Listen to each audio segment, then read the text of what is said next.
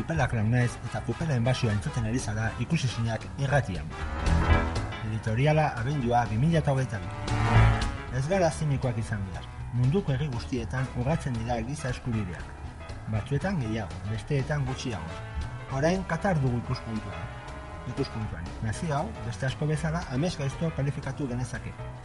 Eztabaida izan daiteke ze punturaino onartu dezakegu egi batean giza eskubidea jurratzea. Hemen, Euskal Herrian aporofobia egiten dugu. Hauxe da, pobren aurkako gogotoa. Krisi ekonomiko ezberdinetan ikusten dugu nola polizia kategorian usten dituen hipoteka ordaino ezinek geratzen direnei. Berdin du hauek gaxorik egotea, oso zarrak izatea, edo hau txikiak izatea. Bankoen alde jarri bargara beti. Hala ere, ez dut inor nastu nahi. Nik boikota egingo nieke legez matxistak, homofoboak edo agazistak, agazistak diren estatuai. Gauza bat delako gizartean jende asko oso gaizto izatea eta beste gauza bat da lege bat egotea zure aurka, adibidez emakumea izateagatik. Berriro diot berdin amaitzeko. Katagi boikota eman, boikota bai, eta guazen gure artean pobren eskubideak bermatzea bingoz.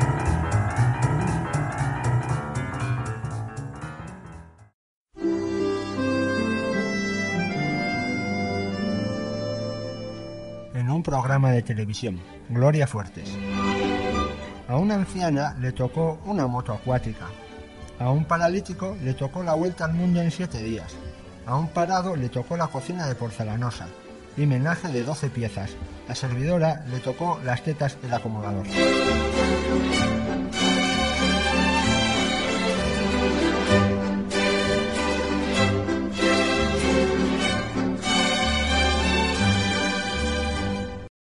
Beno, orain txapa politikoa sartuko dugu. Kupelismoa. Kupelak launen ideiak euskal egitara konbentzitzen dituenean gertatuko dana.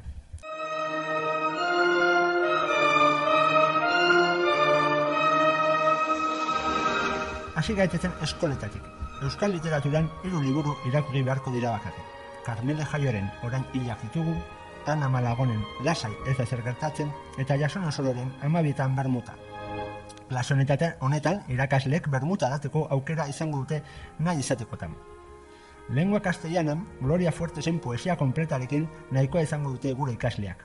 Nota oso altua ateratzen dutena, Rosaliaren abestei buruz lan bat eginteko aukera izango dute, baina berriro diot, bakarrik nota oso onak ateratzen dituztenak izango dute aukera hau, ikusita emakumionen abestien letrak oso zaiak direla. Gorputz eskuntzan dantza egingo da, bukatu dira flexioak eta abdominalak. Dantzan bai botako ditugula izerdinekoak eta gainera ongi pasa. Rafaela Carra eta Kylie Minosen abestiak izango dira aproposenak dantzan jartzeko gure ikasle eta irakasleak. Nahi dutenak takoietan egin ahal izango dute.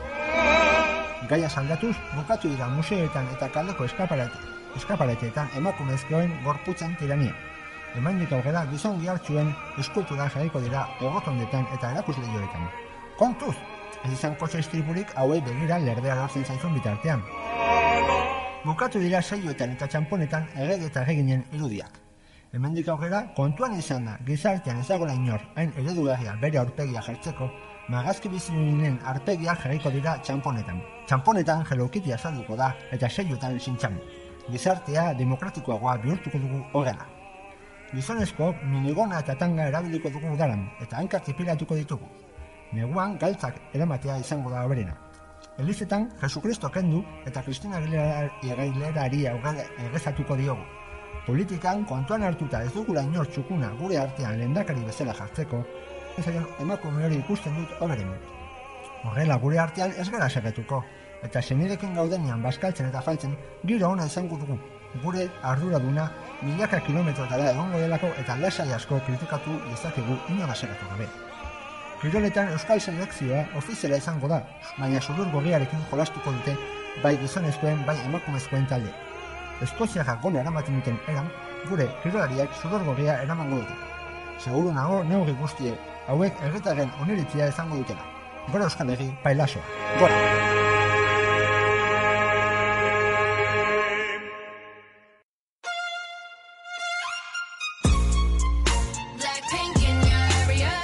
Arrosa eta beltza, zuriak egin du. Infernuaren trompetak entzungo dituzu lehenengo.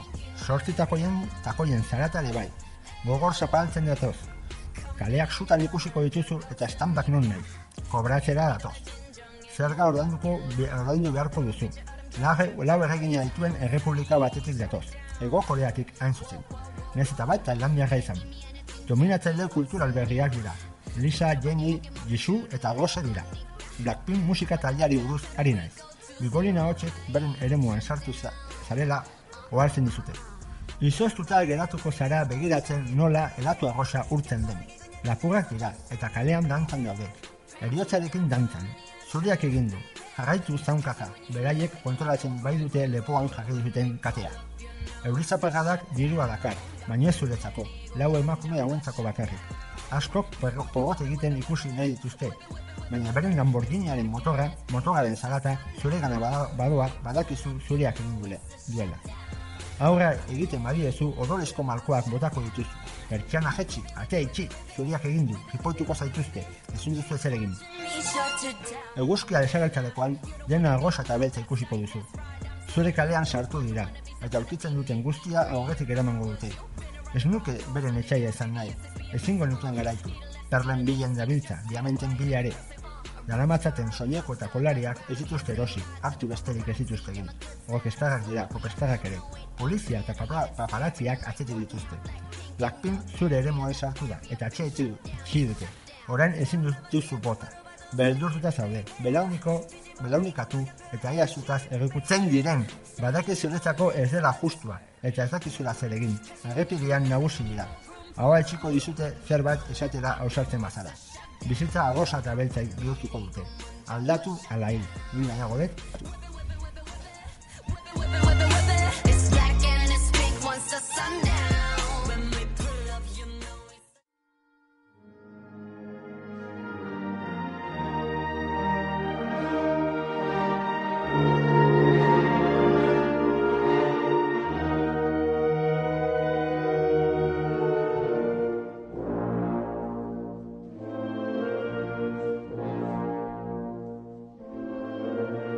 gorbatengatik borrokan. Duela hilabete bat lagun baten aita hil egin zen eta honek hildakoaren gorbatak oparitu zizkidan. Honela esan ninduen, kupela, ziur nago elgarkeriren bat bururatuko zaizula material honekin. Badakizue tontakerian munduan oso eroso sentitzen ezela, eta oparia onartu nuen esanez. Noski baiet, baborena egiteko kontatu beti kupela klaunekin. Hiru gorbate ziren, kolorez berdinetakoak. Egia esateko, bizitzan ben bakarrik ipini du. Sortze urterekin jaunartzea egitea behartu ninduten nian gurasoen. Bai, tristia nire bizitza. Eskerrak belartzakak bezen indartsua den nire pozik egoteko almena eta beti esnatzen naizen kantari. Bestela aspaldi burua itxasora edo trenbidera botata izango nuela. Pentsatu eta egin. Gorbata bat lepoan nuela, lotara joan nintzen ea ametxetan zerbait umoretsua bururatzen zitzaidan.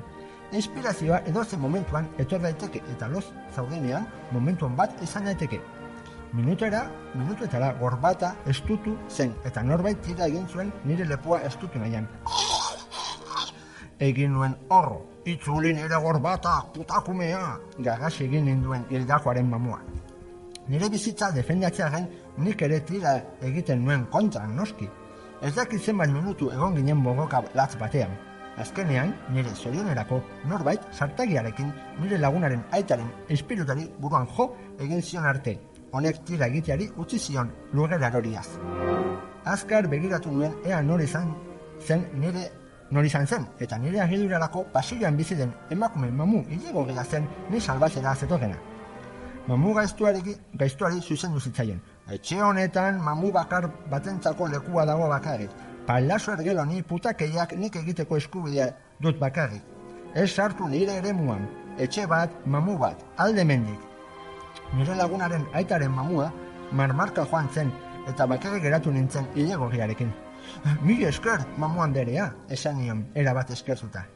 Etxe sorgindu honetan nik agintzen dut. Egin nazazu uga saporeko kafea bertan. Bai anderea, erantzun nion eta kafea egitera joan nintzen.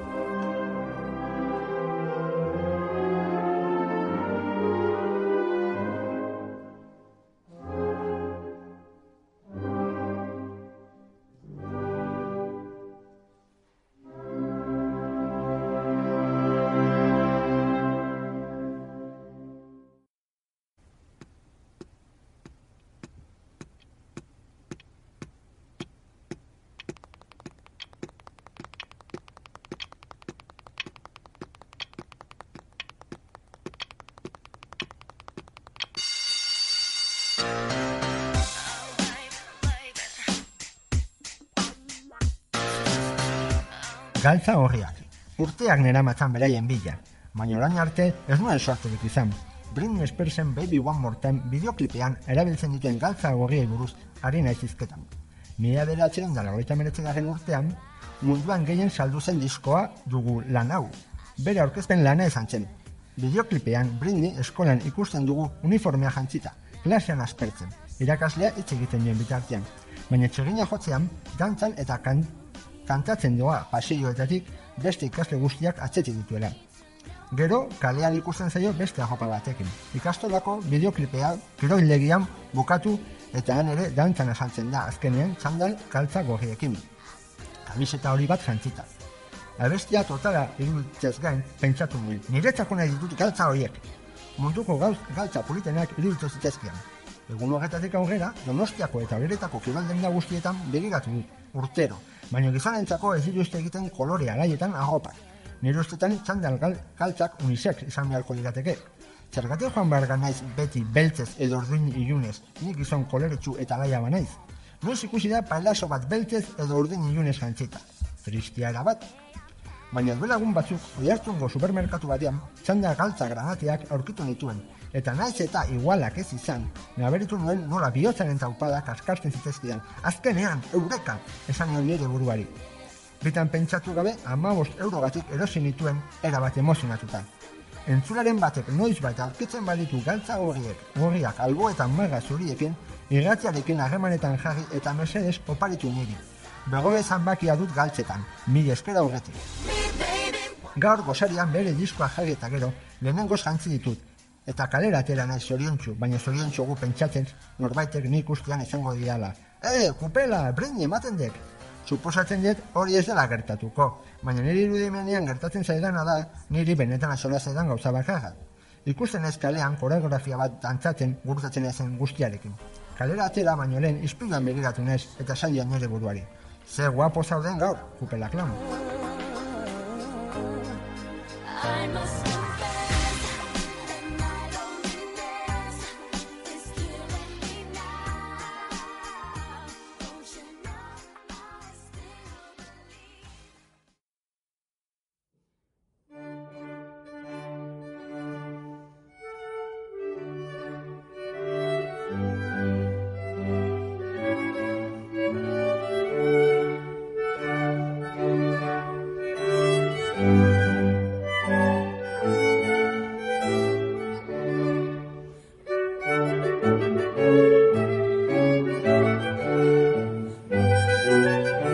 kantak. Ongidak izuen eran, kontrasanak ditut, milak agian. Zoriontsuan ez nire buruari kontrakoa ematen dio danean. Gabonetan berdina gertatzen zait. Ateoa naiz, saiatzen ez nire kontsumoa, nire astarna ekologikoa alik eta txikiena izaten. Eta lortzen dut. Baina gauza batzuk ni baino boteletxoagoak dira. Eta gabonetan transformatu eta dena aldatzen dut. Kantatzen pasatzen dut abendu osoa. Nire gustatzen zaizkidana, noski, ingelesez direnak eta gaur egungo abeslarien ahots kordetatik ateratakoak. Beste urteetan esan dizuet Maria Carairen I Want for Christmas is You kantatzen dudala denbora guztian. Eta geratzen dut abeste horrekin, baina gehiago daude. Aurten Ariana Granderen Santa Tell Me entzuten ari naiz ben eta berriro. Alare, Maia, Mariari, fideltasuna dio denez, honen Santa Baby gomendatzen dizuet aurten. Zure bikoteari estipoto deitzen dioten horietarakoa baldin bazara, George Michaelen Last Christmas entzun dezakezu behin eta berriro, baina kontuz. Pasagabe, diabetikoa baldin bazara, urgentzietan bukatuko duzulako. Gabon kanta bat bihurtzen naiz eta txea paintzen dut, azokak bisitatzen ditut eta asko jaten dut, zerrenda luzea da. Ota gantxoak, polboroiak, turgoiak, errege eguneko goskoa, bomboiak, Ferrero Rocher, Lindor, Leonidas, denak niretzako. Telebistan, Que Billos Vivir, Pesadilla antes de Navidad, El Día de la Bestia eta La Gran Familia bezalako filmak ikusi behar ditut. Loteriara jolastu behar naiz ere, norbaitekin partekatzen baduzu zenbakia, hobeto, politagoa da. Baina gabonetako gauzarik magikoena gizonezkoen muginen iragarkien berriak egiten dituztela. Jean-Paul Gaultier, Paco Rabanne, entzun neri, aurten nire begiei ze gizon gazte eta gihartzu oparituko diezue. Egikitan nago eta badakizue. Gora gabonak!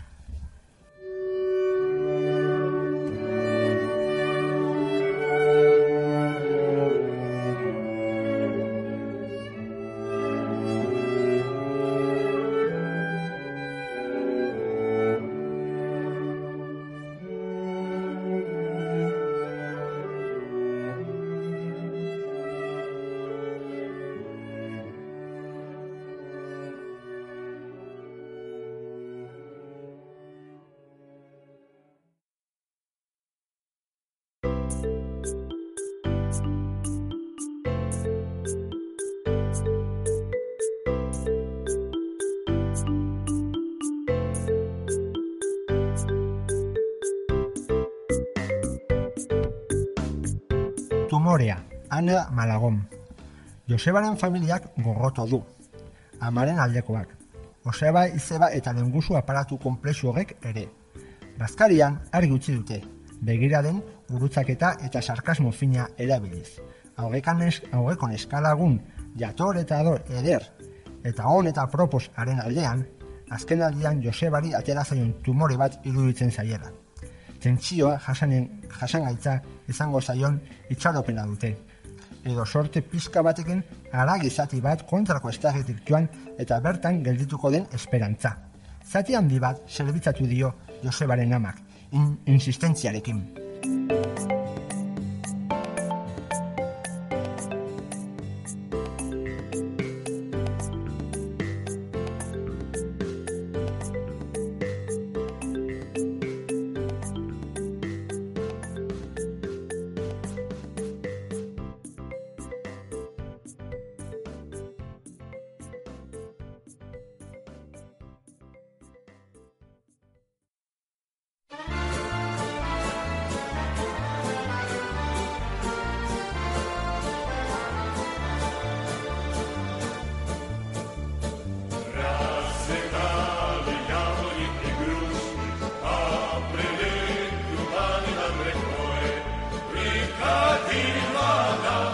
Nagusiagak ere pertsonak dira.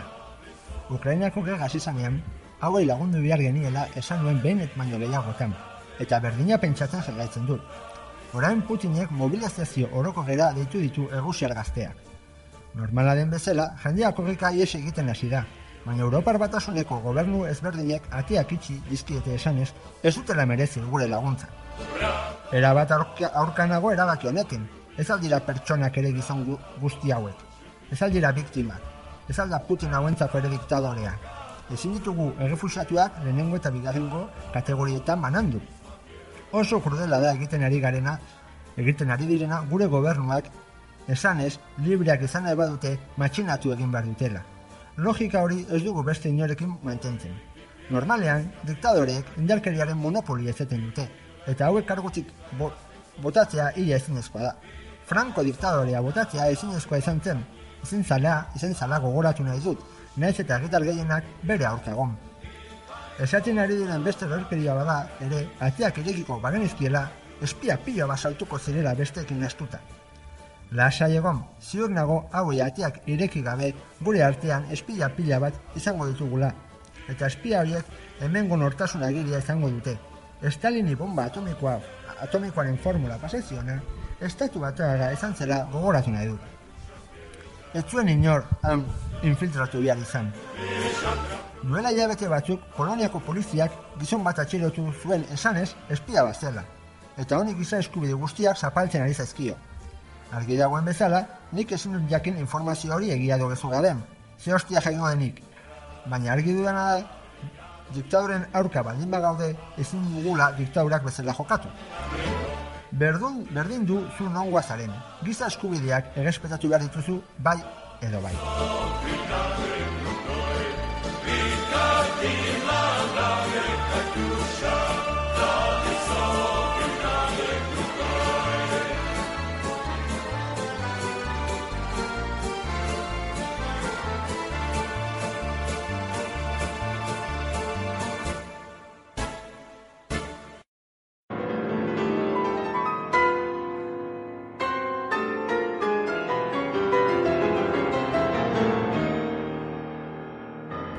Hipoteka igo diate. Mala hostian nago. Mala hostian dian obesateko. Eun euro igo diate hipoteka. Europako Banko Zentralak arrazoi hau eman du interes tipoak igotzeko. Nola gauza guztien prezioak igotzen ari diren, pentsatu dugu kontsumoa jesten badugu gauzen prezioak etxiko direlare. Horretarako, zuk diru gutxiago izan behar duzu. Kabroi, kabroi hauei gauza bat astu zaie. Urte bete daramagula prezioen gorakadarekin. Batez ere argindaga eta gegai, gegai ezberdinekin. Astu, astu gabe ere janariaren prezioaren gorakadarekin. Urte bete daramagu gero eta pobreagoak izaten. Eta satanasen jagaitzaile hauei bururatzen zaien gauza bakarra hipoteka guztia igotzea da. Gaiztoagoa ezin, ezin dira izan. Telebistan, saiz jakintzu ugari asaltzen dira esanez, egin dutena normala dela. Ze hostia izango da normala, azkante kuadrilla. Makil basartuko nizuek ipurtzuletik eta otik atera. Eta hori bai izango zela normala. Joder, hostia. Horrenik, kentzen dizkidaten eun euro horiek ez nabaritzeko egiko dendariei eun euro gutxiago eman behar dizkiet gutxiago erosten. Zein egin, ze egingo dute egiko dendariak egitarrak diru gutxiago usten badugu beraien dendetan eta lokalaren hipoteka igotzen badiete? Ba preziak igoko dituzte begiro, eta ziklo gabe batean sartuko gara, non denak gero eta pobreagoak izaten joango garen. Logika hau, laburteko haugak ulertzeko kapazak ere badira. Ostia, Agian Donald Trumpen jarraitzaileak bezala egin beharko dugu eta instituzio guztietan sartu eta sua eman banku eta beste eraikunde publiko guztiei. Ez dut beste irtenbiderik ikusten. Sua naturaren, naturaren ziklo bat da. Agian ekologista radikal bihurtu behar gara eta parlamentuak ergatzu bihurtu.